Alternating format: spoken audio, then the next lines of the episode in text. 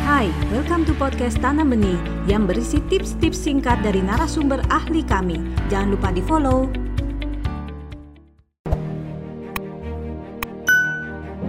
Di usia 3-5 tahun banyak sekali anak mulai lebih sering bilang aku mau itu, aku mau ini, aku pengen itu. Lebih sering daripada usia sebelumnya. Sekali lagi, hendaknya kita tidak mencap ini sebagai anak mulai tambah nakal. Kalau kita membaca itu sebagai kenakalan, maka kita meleset sebenarnya. Karena di usia 3 sampai 5, anak sedang menumbuhkan inisiatif, kemauan. Sehingga kemauan ini nanti akan menjadi bakal atau modal awal yang namanya anak punya tujuan. Nah, bagaimana orang tua menghadapi ini? Kalau orang tua kemauan anak selalu dimarahi misalnya, selalu dilarang, selalu uh, atau ekstrim ya, selalu dituruti. Jadi kita tidak boleh ekstrim gitu ya. Jadi kita harus ada di tengah-tengah sebagai orang dewasa mana yang baik kita fasilitasi, mana yang tidak baik tentu kita harus membuat dia tahu bahwa tujuan itu tidaklah tepat.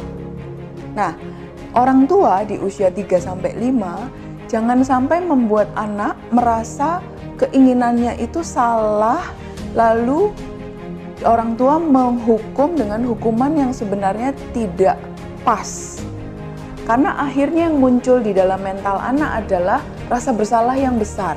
Contoh perilaku orang tua yang bisa menimbulkan rasa bersalah pada anak usia 3-5 tahun. Rasa bersalah yang tidak tepat tentunya. Ketika misalnya orang tua sedang sibuk tiba-tiba anak e, muncul keinginan untuk mengajak papa atau mamanya bermain. Papa atau mama punya dua pilihan. Langsung karena sudah sibuk, emosinya lagi tinggi. Kamu nggak lihat papa mama lagi sibuk? Ah, dengan nada tinggi. Ini kan membuat anak kemudian merasa, oh mengajak bermain papa mama itu salah. Nah ini rasa bersalah yang keliru.